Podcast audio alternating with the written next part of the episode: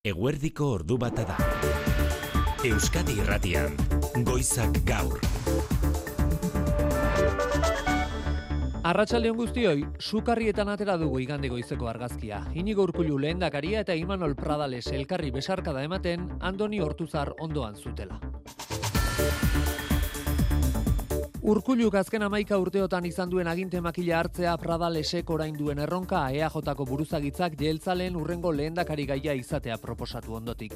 Ba Pradalesek onartu du ore bat dela berarentzat, baina azken hitza alderdiko militanteena dela gogora ekarri du. Ba ore badela, atzo Euskadi buru batzarrak eh, egin duen eh, proposamena eh, jasotzea, baina urrengo hilabeteotan oraindik eh, gure alderdi kideek e, bueno, ba, boskatu beharko dute eta eman beharko dute erabakia, erabakia alderdikidegoan dagoelako Euskal Alderdi Jeltzalean. Urkulluk esan du Pradalesek bidelagun izango duela. Sabino Aranaren eriotzaren ehun eta hogei garren urteurreneko ekitaldiak elkartu ditu sukarrietan, EAJ-ko ordezkariak eta batasun eta indar irudia eman nahi izan dute. Bien bitartean Arnaldo Tegik bihar argituko du EH Bilduren lehendakari gaia bera izango den, edo ez.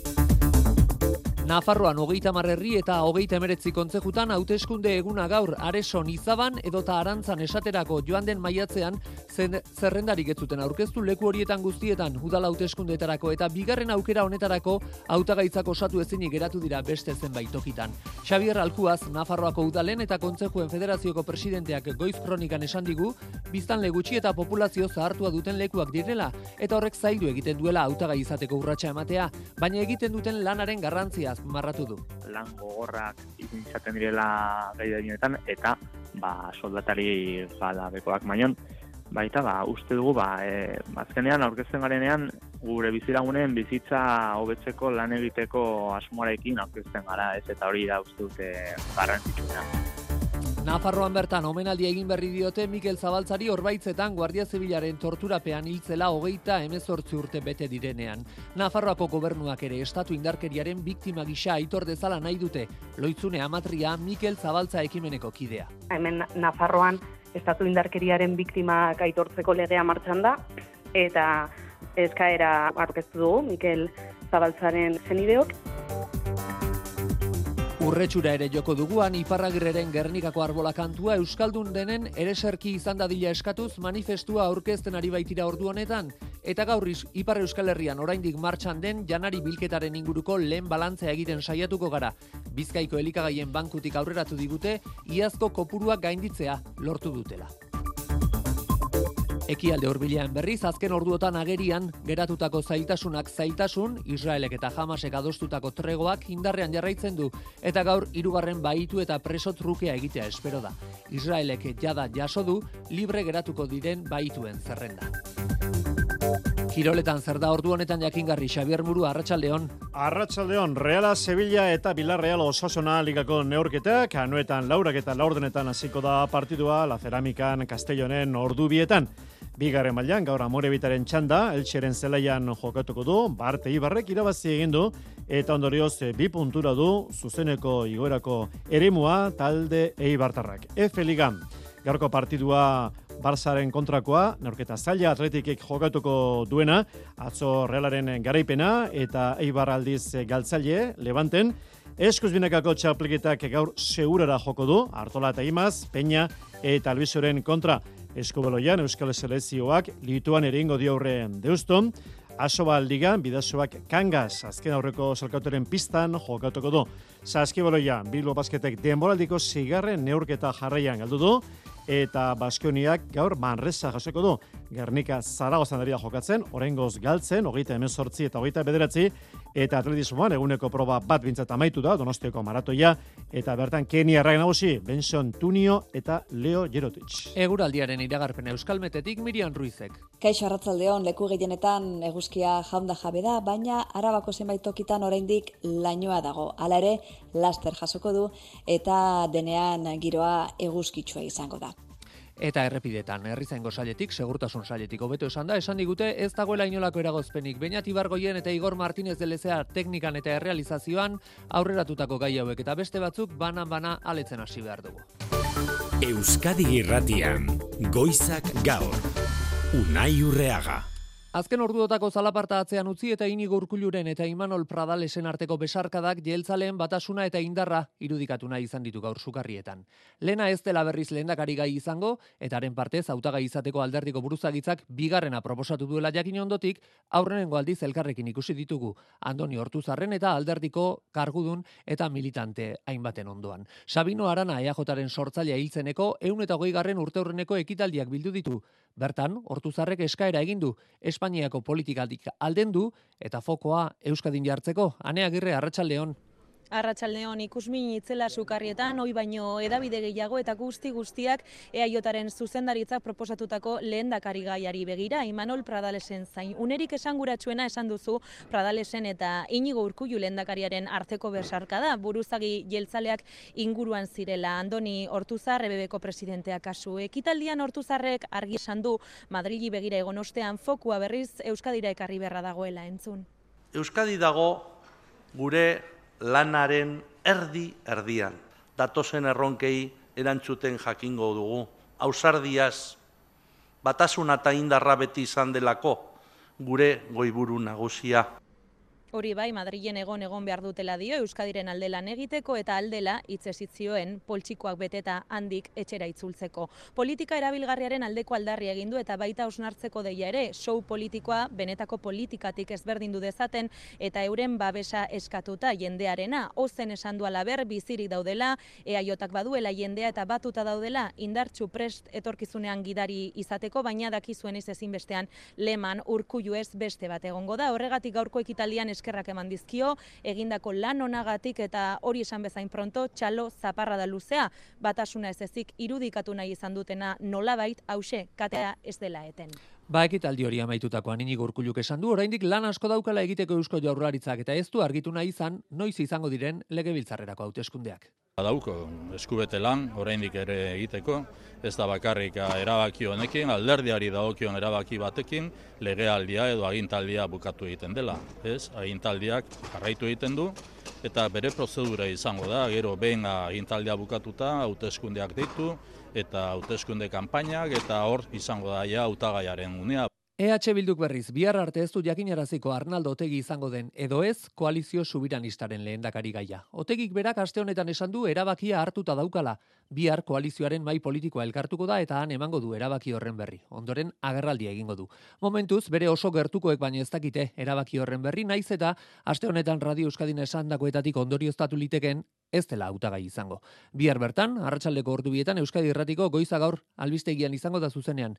Xabier Urteaga, Arratsaldeon. Arratsaldeon bai, bihar izango da airean dauden galderei erantzuteko eguna hala esan du Oiana Etxebarrieta EH Bilduko legebiltzarkideak. Koalizioak lehendakari gaia aukeratzeko bide horria prest du egin berreko urratsak finkatuta daude, bihar hasiko da bide hori aldaketa bakarra prozedura azkartu beharra izan daiteke jakin gabe zein den e, epemuga, bueno, gure prozesuak pautatuak izaten dira eta e, badaukagu horretarako ibilbide horri bat markatua, pentsatzen dugu ere apurtxu bat aurreratu beharko direla e, denborak, ba, bada espada ere.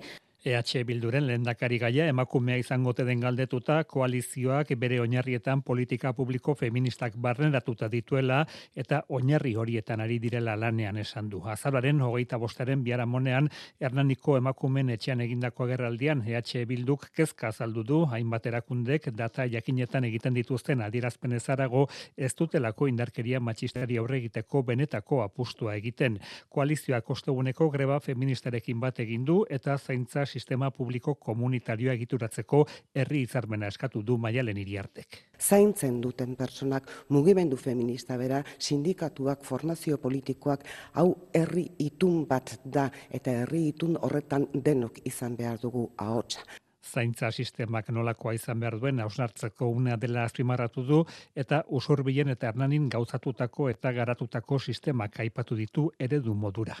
Bien bitartean UPNek gaur ospatuko du alderdiaren eguna. Nafarroako legebiltzarrean ordezkaritza handiena duen alderdia da.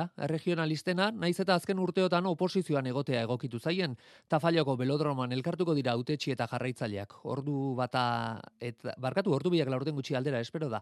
Javier Espartza, alderdiko presidenteak hitza hartzea. Eta Madrilen, pesoek indar erakustaldia egina izan du gaur. Pedro Sánchezek, gobernuko presidente karguan eh, jarraituko duela jakin ondotik, lenda biziko aldiz hitz egingo du, militan aurrean, estatu osotik joandako bos mila bat lagun elkartzea espero zuten mitin festan tartean Euskal Herritik joandakoak handira Maria Txibite, Nafarroako presidentea eta eneko handueza, Euskadiko sozialisten burua, besteak beste, nerea sarriegi, Arratxaldeon. Arratxaldeon bai batasun irudia helarazi nahi du alderdi sozialistak amnistiaren eta osatu berri den gobernuaren aurkako ofentsiba politiko gogorraren aurrean baita kalean piztutakoaren aurrean ere unda hogeita mar egoitza sozialistak jasan dute erasoren bat azken asteetan. Indarri irakustaldia egina izan du Pedro Sánchezek amar mila lagun inguru bildu ditu azkenean. Alderdi sozialistak hemen ifeman. Recibamos al secretario general del presidente del gobierno, Pedro Sánchez. Gaur ondoan ditu Sánchezek ministro sozialista guztiak eta oholtzan oraintxe ustaiaren hogeita iruko hauteskunde kanpainan peso erentzat pieza garrantzitsu izan zen José Luis Rodríguez Zapatero presidente hoia. Pedro, mi más profundo agradecimiento a todos los compañeros y compañeras del Partido Socialista. Estatu osotik dozenaka autobus iritsi dira pesoek antolatuta bost Nafarroatik eta irureun lagun inguru Araba, Bizkaia eta Gipuzkoatik eurekin batera PSNren eta PSEren ordezkaritza zabala Maria Txibite presidentea eta eneko handu ez aidazkari nagusia buru. Hainbeste eraso jaso dugun alderdi bat garelako, gaurko mitina oso garrantzitsua da. Jendeak ikusteko oso batuta gauzela eta eraso hoien aurrean alderdi sozialista indartsua dagoela, ez da? Gaur egun politxa da. Datozen minutuetan entzungo dugu hemen ifeman Pedro Sánchez Espainiako gobernuko presidentearen itzaldia. Konforme nerea, eskerrik asko, hauteskunde eguna gaur Nafarroako hogeita herri eta hogeita emeretzi kontzejutan, arantzan edota auritzen esaterako. Maiatzeko udala hauteskundeetan, etzen toki horietan hautagaitzarik aurkeztu eta hortaz, herritarrek ezin izan zituzten ordezkariak aukeratu. Gaur ordea bai, Xabier Alkuaz Nafarroako udalen eta kontzejuen federazioko presidenteak goiz kronikan esan digu, herri txikiak direla gehienak, biztanle gutxikoak eta populazio zahartua dutenak, eta horrek zailu egiten duela zerrendak osatzea ditate asko ditugula eta txikiak ez da, ez? Eta azkenean ba kasu askotan sartutako populazioa dute eta ez dituzte behar bezala kudeatzeko eta kalitatezko zerbitzuak eskaintzeko behar dituzten baliabideak nik nik uste dute edo uste dugu ba hauek izan daitezkela arazo nagusia. Horregatik oraingoan ere zerrendarik osatu gabe geratu dira zenbait herri eta kontzejutan eta horietan kudeak eta batzordeak osatu beharko dituzte adibidez Bargotan eta Etaion. Beste herri batzuetan berriz aulki zuriak alderdia izan da hautagaitza aurkeztu duen bakarra areso kasu. Botoen euneko bost lortuta, zinegotzi guztiak bere ganatuko lituzkete, baina esana dute ez dutela kargurik hartuko, eta horrek arazoak eragin ditzakela dio Xavier Alkuazek. Ba, areson pasadu goiza, aurken eiturrioz lankideak. Areson berreunda irurogeita mar bizilagun botatzeko asmorik ordea inor gutxik edo inok ez. Ez, ez dugu asmorik ez. Ez da inor heldu eta guk ez dugu botatzeko asmorik. Ba ez, ez, nik ez botatu az. Botatzeko asmorik ez. Ez, ez asmorik, porque, a ber, erriterrantzako, pues, zeago da, ez botatzea, hobe da. Aurkezten diren bakarrek aulki zuria taldekoek ez dute agintzeko asmorik horregatik diote herrian hobeto dela bozkarik ez ematea. Adur etxe zarretari mai presidente lanetan luze joango zaio eguna. Inorek ez bau bozkatzen, ba, ez da blokeatuko, eta, bueno, ja hurrengo astetik aurra, ba, komision gestora sartuko litzeke. Hau da, auta gaitzarik ez, eta legeak agindu bezala, aresoko udalaren kudeak eta nafar gobernuak izendatuko duen batzar baten esku geldituko da. Belen muro, azken urteotan alkate orde izan denak azaldu digu. Bai ala bai, e, gero komisio gestora batek hartuko duela e, udala. Eurek, zergatik utzi duten galdetuta, iruditzen zaigulako olako herri txiki batean bat denak pasatu beharko gina tekela hemendikan, ez? Azkenean denon ardura da herri aurrera teatzea, ez da bakarrik lau zazpi edo edo sortzin o zazpin e, ardura. Herri txikitan ardura hori hartu nahi izateko arrazoiak arki ditu belenek. Espektatiba batzuk ditugu eta igual ez gai iristen espektatiba horiek betetzea jendeak ze esango duen. Beldurra, beldur hori. Gauza korrela, areson gestora baten esku izango da datozen la urteotan herriaren kudeak. Eta, areson bakarrik ez, Nafarroako hogeita marra herri txikitan eta hogeita emeretzi kontzejutan. Hau da gaurko hauteskundegunak ekarriko duena. Mikel Zabaltza zenari omenaldi egiten ari dira ordu honetan orbaitzetan. Hogeita emezortzi urte dira Guardia Zibilak torturapean hiltzuela. Egia, justizia eta erreparazioa eskatu dituzte beste bain ere, haren senide eta lagunek, amaia etxeberria arratsaldeon.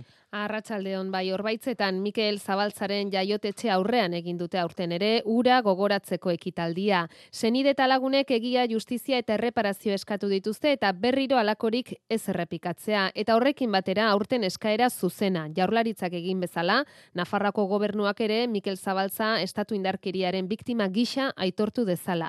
Loizune Amatria Zabaltza senide eta herri ekimeneko bozera maila da. Hemen Nafarroan estatu indarkeriaren biktimak aitortzeko legea martxan da eta eskaera aurkeztu du aurkeztu du Mikel Zabaltzaren e, senido, senideok eta bueno, ba hori martxan den bitartean herri ekimenetik eh ausarria eskatu nahi diegu batzorde hori horri bada tortura jasan duten bestelako biktimak ere aitortzeko. Dozenak alagun elkartu dira orbeizetako etxeatarian, Nafarrako torturatuen sareko hainbat kide ere tartean. Hogeita emezortzi urte bete dira, Mikel Zabaltza donostian atxilotu zutenetik. Torturatu eta hogei eguneraren gorpua bidasoa ibaian agertu zen endarlatxa inguruan.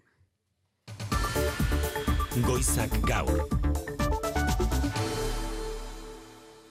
Gernikako arbola ekimenak antolatuta, furretxun elkartu dira gaur kultur munduko hainbat lagun eta Euskal Herri osotik joandako zenbait udalautetxi. Egun eta irurogeita urte dira, iparragirrek kantu ezaguna sortu zuela, eta ure izatea nahi dute Euskaldunen ereserkia. Gurekin da Iñaki Azkoaga, ekimeneko kidea, arratsaldeon Iñaki? E, arratsaldeon. Oraintxe aurkeztu berri duzue urretxuko adirazpena izena jarri dio zuena, zer eskatzen duzue bertan? Bueno, e, bertan e, eskatzen dugu konsidatu deila Gernikako arbola, o izan dedila Gernikako arbola Euskal Erezerkia, eta orain e, zatituta administratiko biki dagoen Euskal Herria edo Baskonia e, oni, o honentzako erezerki bat eukitzea, da hori izan dedila Gernikako arbola. Gaur egun, eh, esango genuke zati bakoitzak bere aldetik duen ereserki ofizialari kalterik egin gabe beti ere. Noske, guk e, beti errespetatzen dugu e, eremu administratibo bakoitzak daukan erezerki, erezerkia, dauka, dauzkan simbolo guztiak. Eta e, hori ontzat hartuta, e, gu gara movimento kultural bat. Eta e, nahi dugu Euskal Eremu kulturalerako ino bat identifikatu gaitezen ino batekin. Da uste dugu hori egokiena gerrikako arbola dela. Izan ere diozue karlista zein liberal, Euskaldun bakarrik, Espainiar edo Frantxe sentitu denak batzeko moduko kantua dela, iparragirrek sortu zuena. Bai, ezke hor dago bere kantu honen handitasuna. E, historian zehar, ideologia desberdinetako jenteak bere egindu eta ez gainera bakarrik e, karlista edo liberal edo baita be identifik e, eta abertzale o nazionalista edo esaten da moduan baizik eta e, izan da ere e, sinizdun da. Ez sinizdunen e, artean ere onartua izan da. Eta orduan e, hori da e, daukan, e, ez da ditu, flexibilidade hori, dauka ino honen, honek, eta horregaiti da hain garrantzizkoa. Aldarrik apena zein den garbiari zaigu geratzen, e, zein babes lortu duzue orain arte? Bueno, egunetik egunera jente gehiago. Ze e, nahiko lotan egonda hainbeste urtetan, e, gauza bate gaitik eta bestea gaitik, eta gu ginean, e, Iruñan e, 2008 garren urtean, abuztuan, eta e, e, ja badauzkagu ba, mila eta berreun, mila irurun, sinatu zutenak oraingo atzenengo movimentu hau o, egin aurretik. Da honekin, ba, are gehiago, dauzkagu, eta gaur bertan, ba, espero dugu, ba, zirun ba persona etorriko diala, eta e, e, egunetik egun, jente gehiago. Bainaki asko, aga eskerrik asko Euskadi Irratiaren deiarien antzutegatik, segi ondo. Bale, mila esker. Iruñean, bilkura egin berri dute udaletxeko plazan, Iruñeko aurreskolak euskaraz goiburupean. Iruñeko euskalgintzak deituta, Mendillorri, Printzearen arresi eta Donibane aurreskoletan datorren ikasturtean euskaraz ikasi alizatea eskatu dute amaia. Bai, dozenak alagun elkartu dira Iruñeko udaletxe plazan, gurasoak eta seme alabak, 0 eta 3 urte arteko aurrek Iruñean bertan euskaraz ikasteko aukera izan dezaten. Egun aurreskola bakarra dute Iruñean euskaraz ikasteko, txantrea auzoko izartegi eskola. Maia Maialen Etxeberria, guraso eta bozera mailea. Ba, laro igarren amarkadan esortu zen lehenbiziko euskarazko aurre eskola, murgiltzere duan bakarrik euskaraz eskintzen zuena, eta gurtiak pasata berdin jarraitzen dugula. Nahiko eskaintza urria da gaur egune ematen dena iruña batean, eta eta horretara gatoz, aldarri hori zabaldadin lehen bai lehen. Euskaraz ikasteko eskaria badela ziurtatzen dute, baina eskaintza ez dagoen bitartean eskaera bera desitxuratuta geratzen dela.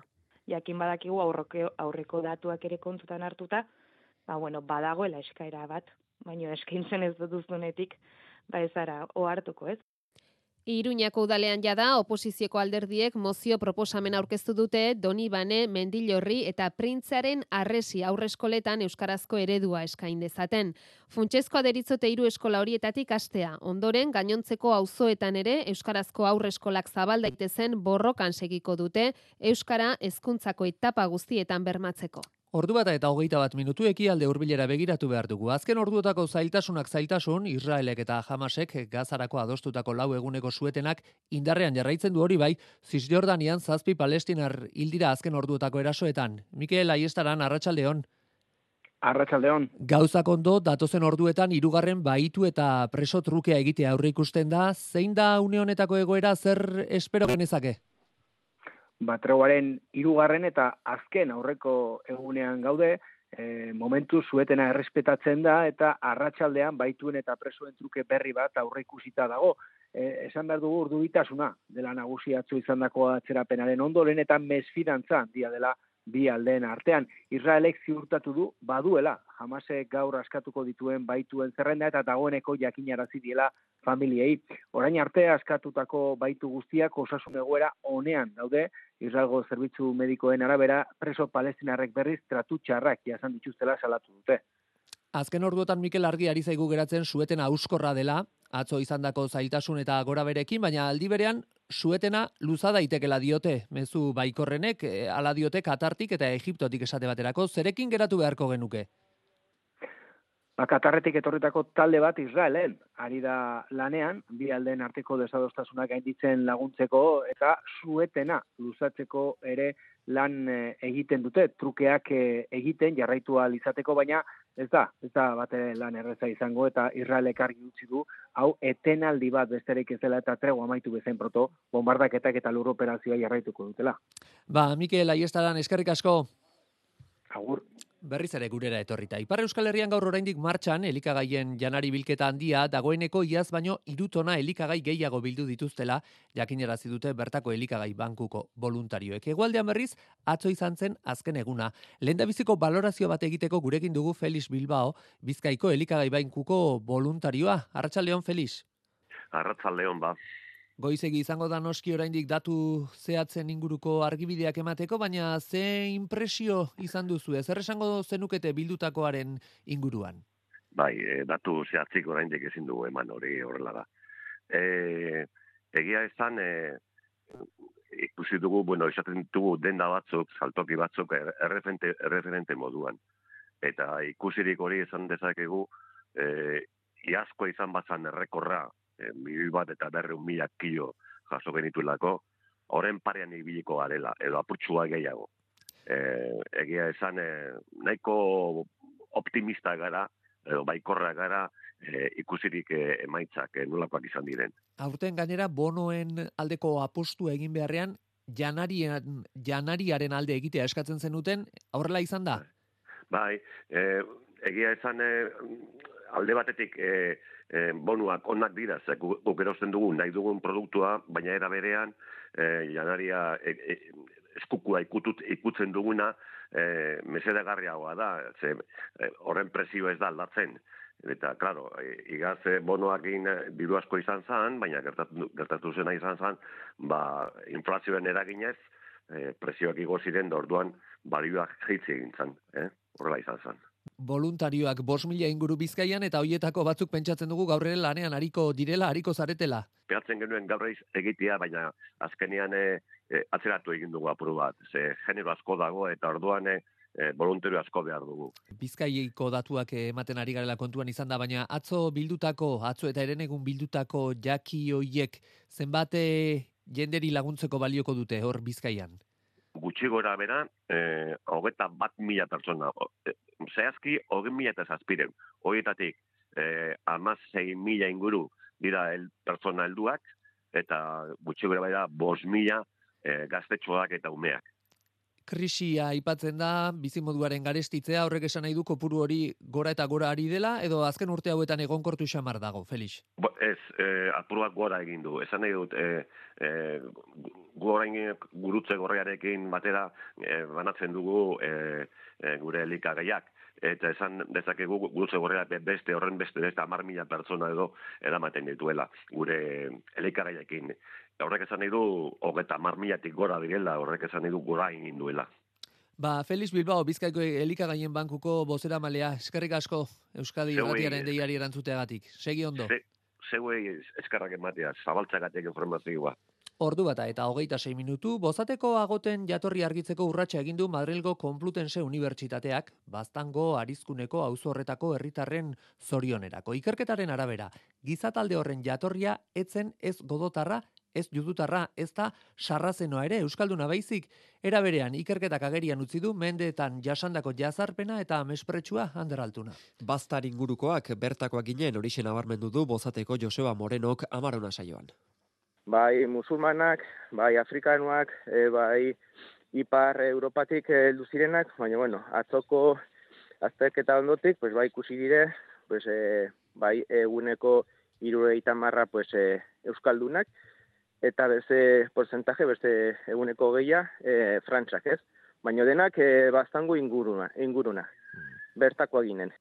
Moreno zinegotzia da egun baztango udalean, baina gotak ezin izan zuten kargu publikorik bete mende luzez. Bazterketa izan ere, erabatekoa zen, estigmaz betea, legen arra transmititzen zutela, erejeak zirela, belarrietan lobulorik ez.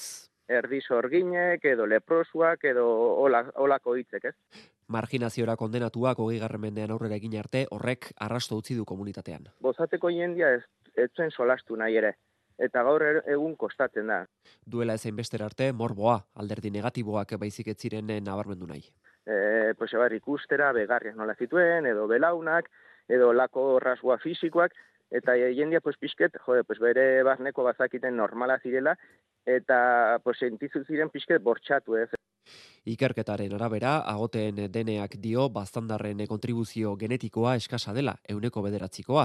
Bestela esan da, horrek bai du beste herritarren gandik, aparte marginatuta bizi izan zirela zortzi mendez. Ipar Euskal Herrian, mendela urdena ospatzen ari dira asteburu honetan, zuberoako Asia elkarteko kideak. Gazteak lurraldean bertan gera daitezen, eta bertan lan egin dezaten bultzatzen du elkarteak hainbat ekintzaren bidez, hogeita bosturteotan gazte askori lagundutie, eta horiek elkartu nahi izan dituzte, erronka berriak aztertzeko, aitor sagartzazu. Erronka nagusia ez baita aldatu. Gaztezu berotarrek ikasketak kanpoan egin behar dituzte, eta horietako asko ez dira lurraldera itzultzen. Azken urteotan baina, pentsaera aldaketa bat izan da, maialen etxe bestazi elkarteko kidearen hitzetan. Egoera zuzio kambiatu, bena bardina pentsatzeko manea, mini bat eh, kambiatu dizu, gaztek ikasketak egiten baitutie kanpun, bena ahraziten tira sibeulat, eta edo haien enpresa sortzen, edo atzo maiten die egin dian ikasketek lotuiko lan bat uh, sibion. Mila bederatziron eta laurogeita emezortzitik, hazi elkarteak tokiko garapenaren eta gazten enpleguaren alde egin du. Bereziki, gazten sorturiko lanbideen gidaren bidez. Maria Rosa Garai ere kidea da. Inu eta hamazazpian elki zizian lehen edizionia, eta helbia duzu uh, lan el deskubritzia, zik hesketa egin dien, zer dien lan baldintzak eta hola, eta helbia duzu amini bat lan behien sartzia dagin urteetan. Gida hori ikastetxeetan ere erabiltzen dute egun, ikasleen orientazioan laguntzeko. Mendela ordeneko ibilbidean beraz, proiektuak garatzeko aukera mandio azia elkarteak belaunaldi bakoitzari, eta egun lurraldearen diagnostiko bat egiten ari dira. Kasurako gazteen buru osasunari buruz. Ba, zuberoako berri jasota, ia amaitu dugu albistegia, hori bai esango dizuegu ordo honetan, errepidetan ez dagoela inolako eragozpenik, segurtasun saletik adirazi digutenez, eta Euskalmetetik Mirian Ruizek egin digu, datozen orduotarako iragarpena. Leku gehienetan eguzkia jaunda jabe da, baina arabako zenbait tokitan oraindik lainoa dago. Hala ere, laster jasoko du eta denean giroa eguzkitsua izango da. Biharko berriz eh, aldaketa datorre eh, eta osterabe euritara joko du. Astelena lehorretik hasiko dugu, baina goizian bertan fronte hotz bat sartuko da eta euria egingo du.